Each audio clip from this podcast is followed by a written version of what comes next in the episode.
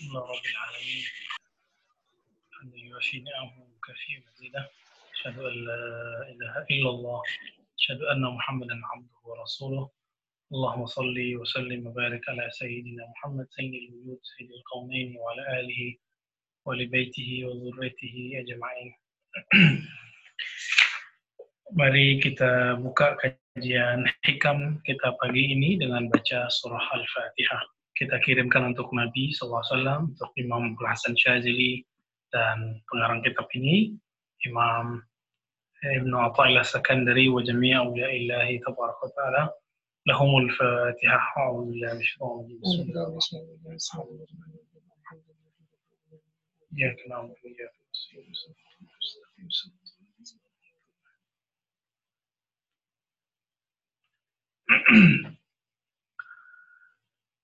Uh, baik teman-teman semua, kita masuk ke kitab hikam.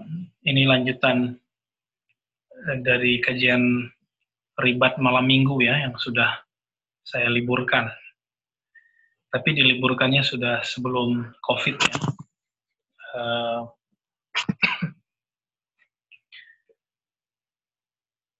Kalau di kitab saya, Iqazul Himam tidak ada nomornya, cuma halaman 221.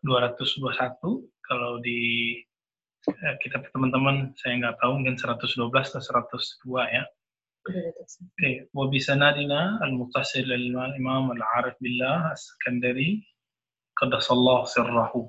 Nah, jadi ada satu uh, perbedaan antara ahli riwayat hadis dengan uh, ahli riwayat kitab-kitab tasawuf ketika ahli hadis menyebut ulama itu dengan rahimahumullah uh, atau radhiyallahu anhu maka dalam tradisi ahli sufi disebut uh, doanya qaddasallahu sirrahu atau dipendek kuddisa sirruhu. Apa artinya? Semoga Allah menambah kesucian uh, beliau gitu ya sebenarnya ini boleh eh, dipakai untuk sufi atau tidak sufi, tapi kita biasa tambahkan ini eh, untuk ahli-ahli kalbu untuk membedakannya mereka dengan ahli fikih dan ahli hadis. Ya. Uh, Al-Hikam, teman-teman semua, uh, sesuai dengan namanya adalah jamak dari hikmah. Dia hikmah itu bukan dalam terjemahan bahasa Indonesia pelajaran yang diambil dari sesuatu, tapi al-hikmah adalah ketepatan kolbu menangkap pesan-pesan Allah. Jadi ketepatan itu karena al-hukmu dalam bahasa Arab itu itqanu syai. Uh, kemantapan sesuatu. Jadi, jadi ketika kita seorang hakim memberikan sebuah keputusan, maka hakim itu dia butuh saksi, dia butuh uh, bukti supaya apa yang dia putuskan itu tepat. Nah, maka ahli kolbu itu juga sama, ahli kolbu itu uh, juga membutuhkan saksi di kolbunya, membutuhkan uh, bukti di kolbunya, sehingga dia menemukan ketepatan dalam uh, mengambil sebuah keputusan-keputusan uh, ruhiyah. Ya.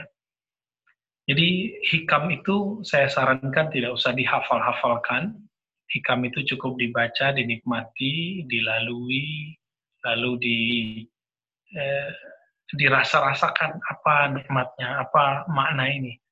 Karena ini bukan ilmu hifz, dia bukan ilmu hafalan, dia ilmu sudur, ya.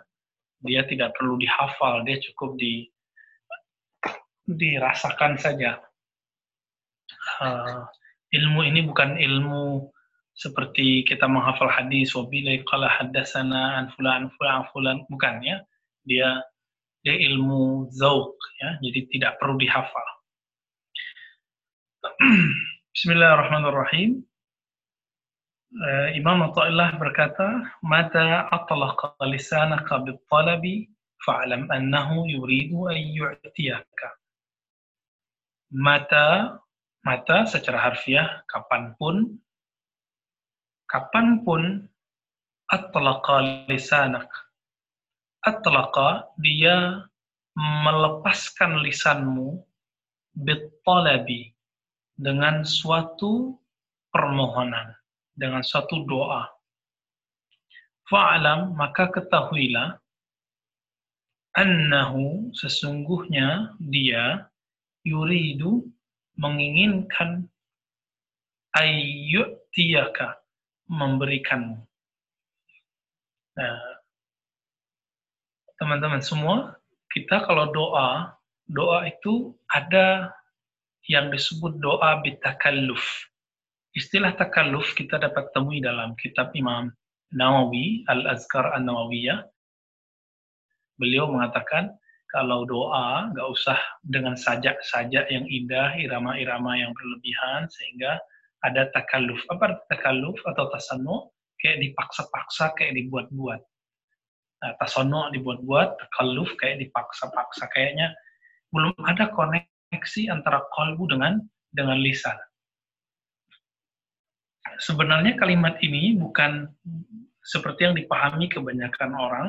Setiap kali kita doa, berarti pasti ijabah, bukan begitu.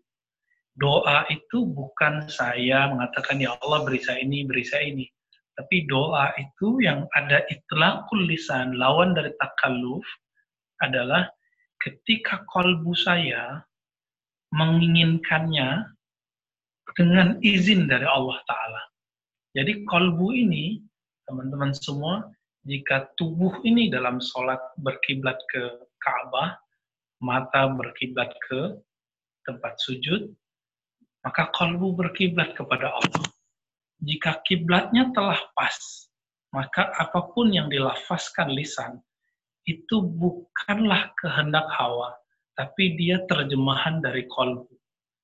Nah, inilah makna Udu'uni astajib lakum. Serulah aku, mintalah kepadaku, aku pasti jawab itu seruan yang mana?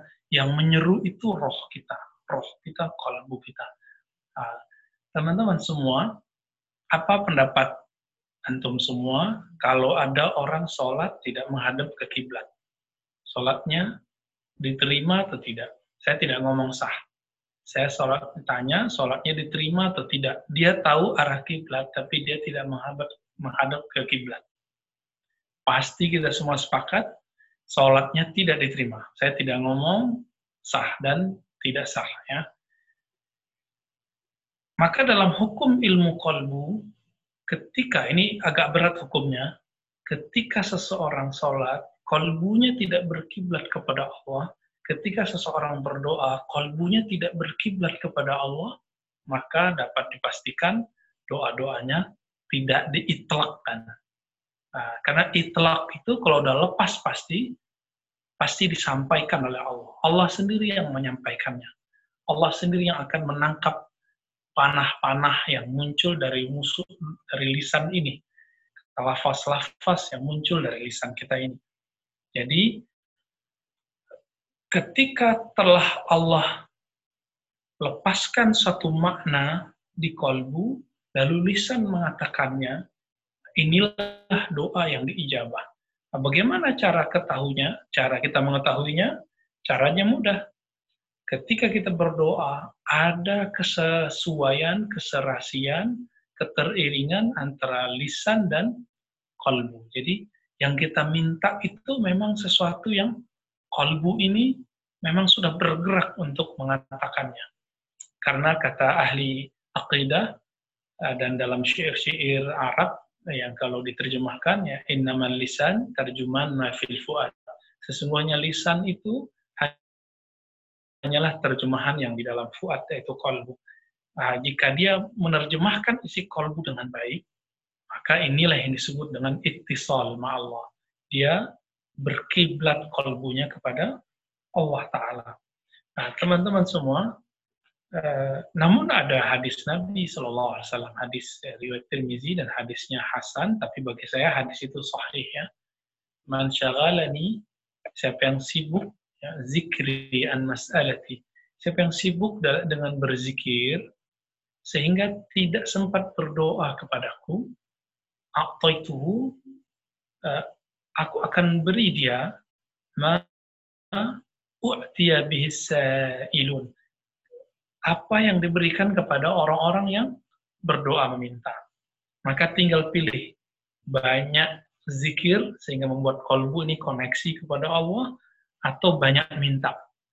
Ini kalau sudah ada yang jadi orang tua, bagaimana perasaannya? Ini bukan tasbih ya, bukan menyamakan kita dengan Allah, Allah dan kita, tapi uh, kita sedang bertakhaluk bi akhlakillah. Kita sedang meniru akhlaknya Allah, uh, sikap-sikapnya Allah. Nah, kira-kira seperti ini. Kalau kita punya anak banyak minta, uh, biasanya ibu-ibu itu paling suka marah ya. Bapak nggak mau ribet, tapi ibu-ibu biasanya suka suka agak rewel dikit uh, dengan anak-anak yang rewel. Jadi maknya ikut rewel juga. Tapi kalau ada anak yang nggak suka minta, uh, cuma dia baik, dia suka taat kepada orang tuanya, Orang tuanya malah kemudian bertanya, kamu maunya apa? Nah, tinggal pilih mana, mau makom yang mana. Apa perasaan kita, perasaan antum semua, kalau kalau seorang raja dunia menawarkan kepada kita, kamu mau jabatan apa? Kamu mau, kamu mau fasilitas apa? Atau kamu aku undang ke istana aja? Nah, perasaannya gimana? Oh itu banyak yang anti 01 kemarin, tapi ketika sudah diundang oleh Jokowi, dia senang ya. Ya, saya tertawa aja, kiai-kiai maksudnya. Banyak kue-kue ustaz yang tadinya anti dengan Jokowi, begitu juga mahasiswa di tahun sebelum-sebelumnya ya, ketika itu mau turun bulan Mei, turun mahasiswa mau, mau turun ke lapangan, tiba-tiba pimpinan-pimpinan eh, apa mahasiswa ini diundang ke istana. Udah selesai semua. Uh, ternyata uh, bisa tunduk dengan raja dunia. Bagaimana pendapat kita kalau yang nanya itu raja dunia dan akhirat? Raja langit dan bumi, raja yang mengurus aras Allah yang meliputi langit dan bumi. Kalau dia mengatakan, kamu butuh apa, hambaku? Nah, kira-kira seperti itu. Jika si hamba kemudian mengatakan sesuatu hal, itu langsung Allah beri. Ini yang ini pemahaman saya. Semoga ini Allah ridhoi. Uh, ini yang disebut itlaqul lisan yang sebenarnya ya. Uh, tapi secara awam setiap kali orang berdoa kullu da'watin mustajabah. Semua doa pasti diijabah. Uh, uh, yang diijabah diijabah telat itu kenapa? Nah, ini lain cerita. Di hikam bagian-bagian awal, nomor 5 atau nomor 6, disebutkan bahwa Allah hanya menjawab dengan dua kriteria. Fil waktu ladhi yurid. Di waktu yang dia mau, bukan di waktu yang kita mau. Fima yakhtar, la fima takhtar. Pada objek yang dia pilihkan, bukan pada objek yang kamu pilih. Uh, yang disebut itulah kulisan menurut saya adalah yang seperti itu. Orang-orang yang ketika dia berdoa, uh, dia menyerahkan waktunya kepada Allah, meskipun dia meminta sesuatu, tapi dia menyerahkan keputusannya kepada Allah. Jadi jangan ngotot. Teman-teman semua, kalau seorang presiden, raja, gubernur ngomong, saya bantu sedikit deh gitu ya. Tapi sedikitnya presiden sedikitnya Khairul Tanjung itu beda dengan sedikitnya saya ya. Kalau saya bilang sedikit dua setengah persen itu cuma sekian dari penghasilan saya, penghasilan teman-teman semua. Tapi kalau Khairul Tanjung bilang dua setengah persen bisa dihitung, hitung aja berapa. Kira-kira begitu ya. Apalagi Tuhannya Khairul Tanjung, Tuhannya Presiden. Nah, maka jika Allah memberikan sedikit, itu banyak. Eh, jadi jangan jangan khawatir dengan janji-janji tersebut.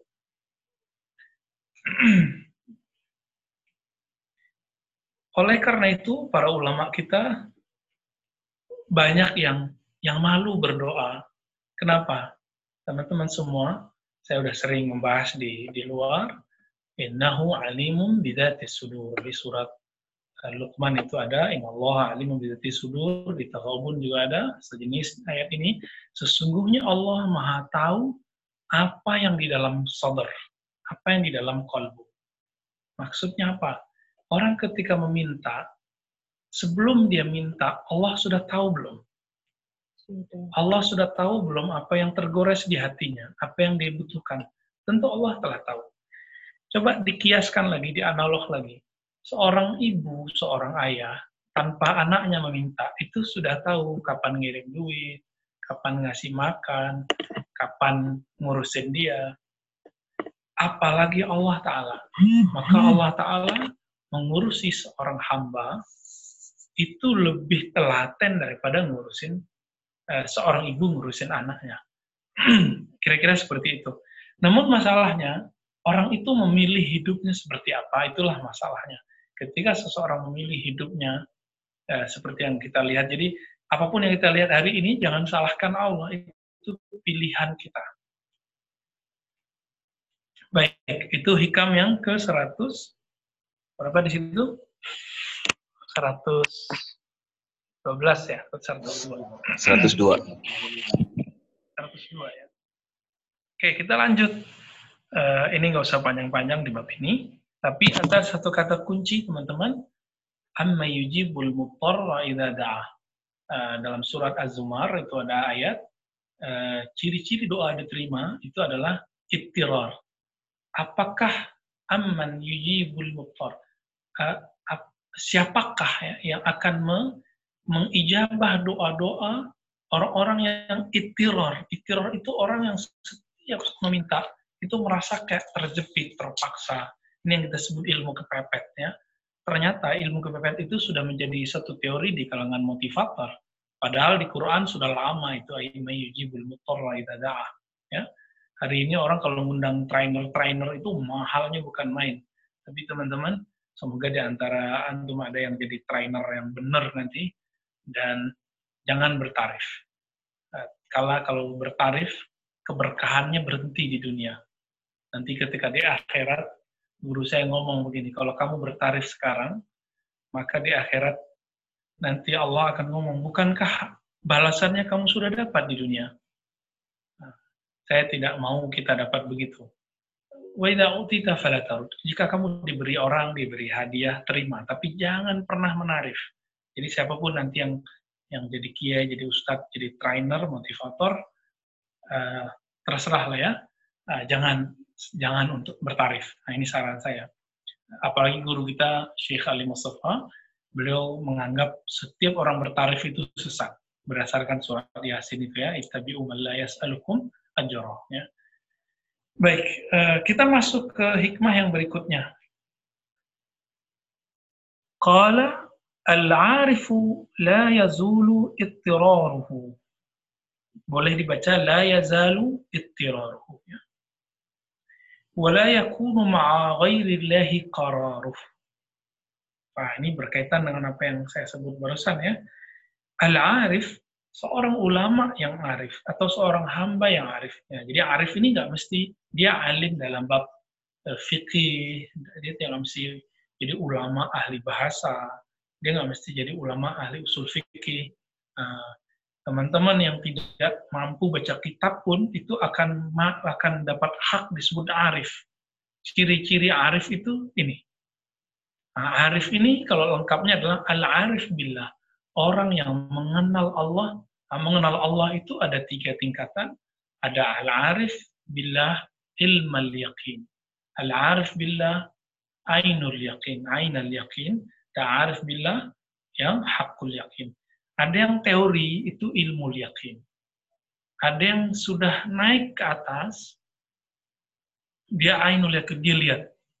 Dia lihat keajaiban-keajaiban dan dia tahu ini pasti benarnya dan ada yang sudah hakul yakin, dia langsung merasakannya. Uh, ilustrasinya, kalau ada orang bilang api itu panas, saya dengar dari orang yang pernah kebakar, kena kebakar tangannya. Terus uh, dia bilang api itu panas, nak. Oke, okay, saya percaya. Nah, itu namanya ilmu yakin. Lalu ketika saya jalan di setempat, saya ngeliat ada orang kebakaran tangannya dan dia kesakitan. Saya ainul yakin, saya lihat. Nah, lalu saya coba-coba sendiri di rumah. Nyoba hidup-hidupin api, lalu tangannya dicolokin ke api. Lalu apa yang terjadi? Terasa panasnya api. Nah ini disebut hakul. Yakin ini ilustrasi aja tentang uh, babul yakin ya, tentang bab yakin.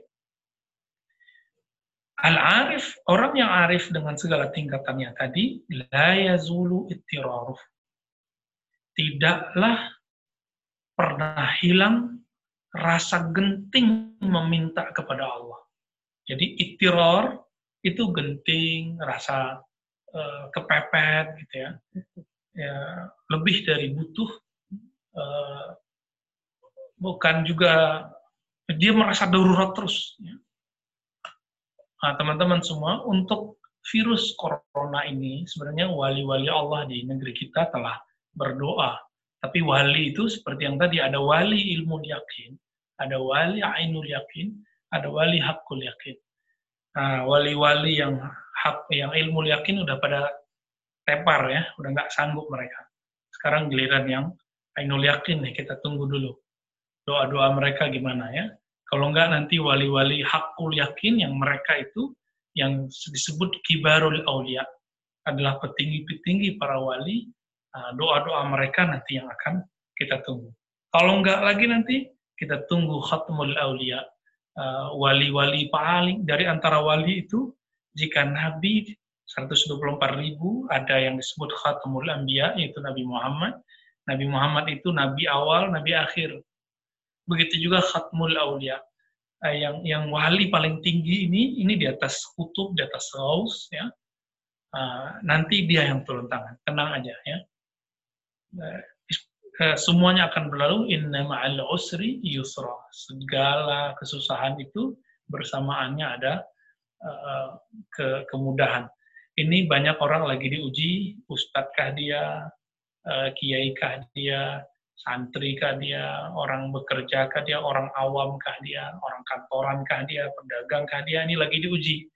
Kita sering baca surah Al-Fajr, فَأَمَّا الْإِنسَانِ إِذَا مَبْتَلَاهُ رَبُّهُ فَأَقْرَمَهُ وَنَعَّمَهُ فَيَقُولُ رَبِّ أَكْرَمَنْ Orang, eh, itu masa sebelum virus.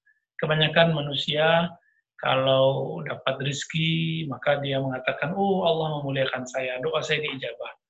Tapi ciri-ciri insan ini sifat insania. Ketika amal insan wa amal insan idza mabtalahu faqudira alaihi rizquhu. Faqadara alaihi rizquhu ya.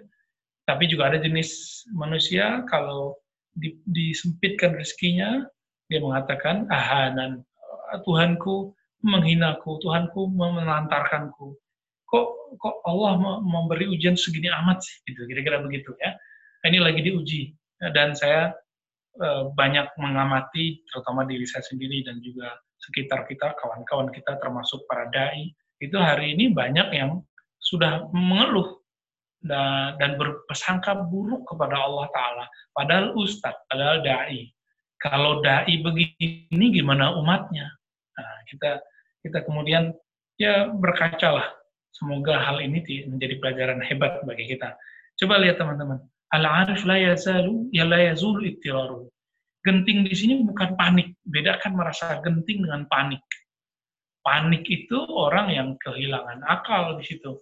Tapi genting di sini artinya dia kalau doa itu mirip-mirip kalau saya ceritakan ada seorang ibu di di salah satu wilayah di Tangerang Selatan dulu udah lama waktu saya masih mahasiswa ya eh, dia nanya Ustadz saya dulu pernah uh, dapat musibah, suami saya uh, sakit parah selama tujuh hari, dan akhirnya saya sholat duha 12 rakaat.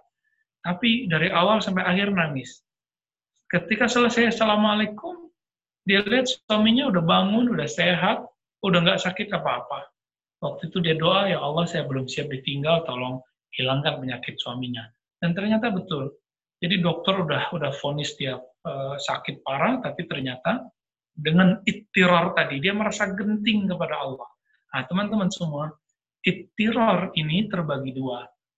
Merasa kayak genting gitu ya, merasa kayak darurat di kolbunya. Ada dua. Pertama, orang yang genting karena faktor al-khariji, al-asbab al-kharijiyah. Sebab-sebab di luar. Contohnya, tabrakan, sakit, hidup susah, utang, ya. Nah, kalau udah kejadian mepet begini, lalu baru dia doa kepada Allah, baru dia datang kepada Allah. Makanya ada beberapa orang ditanya, kenapa kamu nggak sholat, nggak doa? Ah, lagi nggak susah. gitu. Ini orang-orang ini baru eksternal. Orang-orang begini, dia bertuhannya masih transaksional. Kalau aku butuh, aku datang kepada kamu. Kalau nggak butuh, ya kita sama-sama tahu aja. Kira-kira begitu. Orang-orang ini, ini berbahaya ya. Ini saya khawatir kalau orang ini nanti eh, diambil nyawanya di saat dia lagi merasa nggak butuh kepada Allah. Ini yang saya khawatirkan. Nah, jadi kalau di antara kita teman kita yang begitu, uh, tolong diingatkan baik-baik, jangan diceramahin juga, tapi diingatkan baik-baik bahwa ajal itu datang bisa kapan saja, bisa saat kita butuh kepada Allah, bisa saat tidak butuh. Uh, dan ada yang kedua itu internal. Nah inilah yang ada pada arif. Al arif ini emang kalau tidak ada masalah kita nggak sholat atau bahasa lebihnya dibalik. Kalau nggak khusyuk emang nggak mau sholat. Kalau nggak nikmat zikirnya udah nggak mau zikir. Kalau nggak nikmat baca sholawatnya udah nggak mau sholawat. Berarti orang-orang ini ada yang kalau kalau sholat zikir itu pas enak doang. Kalau nggak enak nggak mau bertuhan kepada Allah. Ini sama kayak orang menikah, giliran istrinya sudah nggak nggak nggak oke, okay, suaminya udah nggak oke okay rezekinya, istrinya juga udah nggak cantik lagi, ditinggal. Nah, ini sama dengan itu. Kalau ada orang begitu, kita sebut apa dia? Nah, teman-teman pasti ada istilahnya masing-masing, sebut lakinya apa, sebut perempuannya itu dengan istilah yang sangat jelek sekali. Kira-kira kalau kepada Allah kita sebut apa ini? Oportunis. Ya, oportunis kayak apa kayak ya? Nah, orang-orang ini boleh disebut ya ya al-mu'ridun, al-jahilun, orang-orang yang yang sebenarnya dia belum mengenal Allah. Bahwa Allah itu lebih dari kata butuh. Kita lebih lebih dari sebuah kebutuhan kepada dia. Karena butuh itu masih ada syahwat syahwat eh, mungkin kita tidak syahwat secara hewani kepada Allah, tapi ada syahwat syahwat tersembunyi kepada Allah. Nah, coba saya buat ilustrasi. Kalau ada teman kita hanya mendekat menghubungi nelfon kalau dia pas butuh minjam duit. Kira-kira kalau esok-esok dia minjam apa nelfon lagi, diangkat nggak? Pasti nggak diangkat. Kalau dia WA minta eh, apa nanya kabar pasti ah, pasti minta duit nih, pasti mau minjem nih gitu. Nah kira-kira Allah itu kan ilham dari Allah. Itu adalah eh, salah satu uh, analog yang bisa kita pahami nanti Allah juga bisa lakukan perlakukan kita seperti itu. Maka teman-teman semua, al-arif yang yang semestinya kita uh, tahkik kita ambil ilmunya adalah orang yang menyembah Allah, yang minta kepada Allah baik dalam keadaan susah ataupun senang. Nah, manusia itu kan ada yang taatnya pas senang doang, ada yang taatnya pas susah doang. Al-arif tidak. Al-arif itu susah senang sama bagi dia. Allah tidak pernah berubah dengan susah, Allah tidak pernah berubah dengan senang. Jadi eh, hal ini yang perlu kita eh, mantapkan ya. Nah, ke, ketergantungan hati si hamba kepada Allah inilah yang kita sebut makom rububiyah. Jadi rububiyah itu bagi kita itu sebenarnya makomat, makomat dari tauhid. Uh, jadi bukan tauhid yang uluhiyah rububiyah asma wa sifat ya, tapi kita menyebutnya sebagai sebuah rasa bergantung kepada Allah Ta'ala. Nah, dalam tradisi kita itu adalah makom yang tinggi, tapi di atasnya ada makom lagi ya. Oke, teman-teman semua, tadi saya punya ilustrasi seorang anak itu dirawat oleh ayah ibunya. Kapan waktu makannya, kalau dia masih bayi, kapan disusui, kapan diberi, kapan diganti baju, kapan dimandiin. Dan Nabi mengatakan Allah ghayur, Allah lebih pencemburu. Allah arham bi abdihi, Allah lebih sayang kepada umatnya, kepada hambanya daripada seorang ibu kepada anaknya. Maka jika orang-orang itu memahami bab ini, rizki itu akan akan terasa sesuai terus dengan keadaan kita. Jadi Eh, dalam pemahaman saya tidak ada namanya rezeki serap. Yang ada hanya pemahaman saya atau kebutuhan saya eh, dan keinginan berbeda. Jadi saya punya angan-angan yang berlebihan dari kebutuhan. Bukankah dulu kalau yang masih mahasiswa kebutuhan sebulannya ya paling nggak nyampe satu juta. Tapi kenapa ketika orang sudah menikah Nah, pengen eh, motor, pengen rumah, habis motor, pengen mobil, habis rumah, pengen rumah lagi. Jadi pengennya itu berlebih daripada kebutuhan. Jadi Al-Arif ini tahu kebutuhan dia itu sebenarnya sedikit sekali. Kalau dalam hadis itu lukmah lukmatain, ya. Maka teman-teman semua, kalau ada fitnah sebelum terjadinya Eh, kemunculan Dajjal, kemunculan Mahdi. Salah satu fitnah yang paling berat itu adalah kelaparan. Maka nanti dalam hadis itu disebutkan Dajjal itu nanti akan datang ke suatu tempat yang di sana terjadi kelaparan, lalu dia beri makanan semua tempat yang kurang hujan dia kasih hujan, uh, lalu mereka mengat, dia mengatakan Anallah aku tuh akulah ilahmu Tuhan kamu sembahlah aku. Akhirnya karena lapar mereka menyembah si Dajjal jadi teman-teman semua, eh, jangan kalah dengan lapar. Ini tolong garis bawahi. Jangan kalah dengan lapar. Jangan kalah karena dompet kurang, dompet tipis. Bagi yang sudah pernah hidupnya susah, tolong diingat-ingat lagi itu. Yang pernah mengalami hidup kering, hidup sangat-sangat uh, prihatin, ingat-ingat lagi itu, jadikan itu sebagai hikmah yang ada di kolbu kita, kita simpan dan jadikan imun. Dan imun itu akan akan bekerja saat ini, yang saya takutkan dengan virus sekarang ini bukan orang kena, karena itu cuma kayak flu, yang paling yang penyakit bawaan itu emang sangat rentan. Yang saya takutkan ini teman-teman, eh, virus uh, yang disebut oleh Nabi Al-Wahan itu ya, uh, takut takut kehilangan dunia. Nah, maka Al-Wahan itu diterjemahkan Nabi adalah cinta dunia.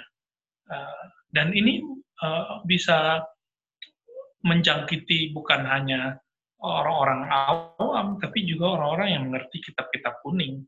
Kita sudah melihat banyak sekali orang yang menggunakan uh, kemampuan keagamaannya untuk kepentingan dirinya sendiri. Sehingga saya malu ketika Imam Syu'bah itu ngomong begini. Imam Syu'bah yang wafat 160 Hijriah, apa katanya? Maro itu ahadan min ahli ilmi illa huwa ya'kul biilmi. Saya agak malu dengan kalimat ini. Saya tidak pernah melihat ada orang alim kecuali dia makan dengan ilmunya. Nah, ini kalimat berat sekali. Semoga saya dan kita semua tersinggung oleh Imam Syu'bah. Beliau juga mengatakan termasuk dirinya sendiri gitu. Nah, hanya Rasulullah, Abu Bakar, Umar, Utsman, Ali, sahabat-sahabat mulia itu mereka tidak pernah makan dari ilmunya, justru dengan ilmunya orang-orang makan dengannya. Nah, kita melihat Syekhuna Ali Mustafa juga seperti itu. Eh, beliau bertahun-tahun, belasan tahun itu membiayai pesantren itu langsung dari kantongnya. ya. Jadi ketika dulu beliau beli mobil dua, ada santri yang sedikit suul adab ngomong ke saya, masa kiai uh, beli mobil dua sih, nggak zuhud gitu. Itu, itu kalimat saya ingat-ingat sampai sekarang ya. Ini kok ada santri begitu ya? Santri kok punya adabnya cuma depan kiai. Kalau depan kiai cium tangan bolak-balik, tapi di belakang dia balik-balik kiainya, ya. Dia hantam-hantam nama kiainya. Teman-teman semua, Al-Arif itu punya adab kepada gurunya, apalagi kepada Tuhan gurunya, baik saat rasa hadir itu ada, atau saat tidak hadir. Itu sama. Nah, semoga kita diberi um, keilmuan atau makomat dari uh, ulama al-arifun ini, orang-orang yang arif ini wala yakunu ma'a. Oleh karena itu, orang alim, orang yang arif, orang yang kenal Allah itu tidak pernah korornya. Dia nggak pernah kolbunya nyantol. Apa koror? Artinya eh, terpaut kepada selain Allah. Jadi kalau susah itu jangan awal yang diingat teman.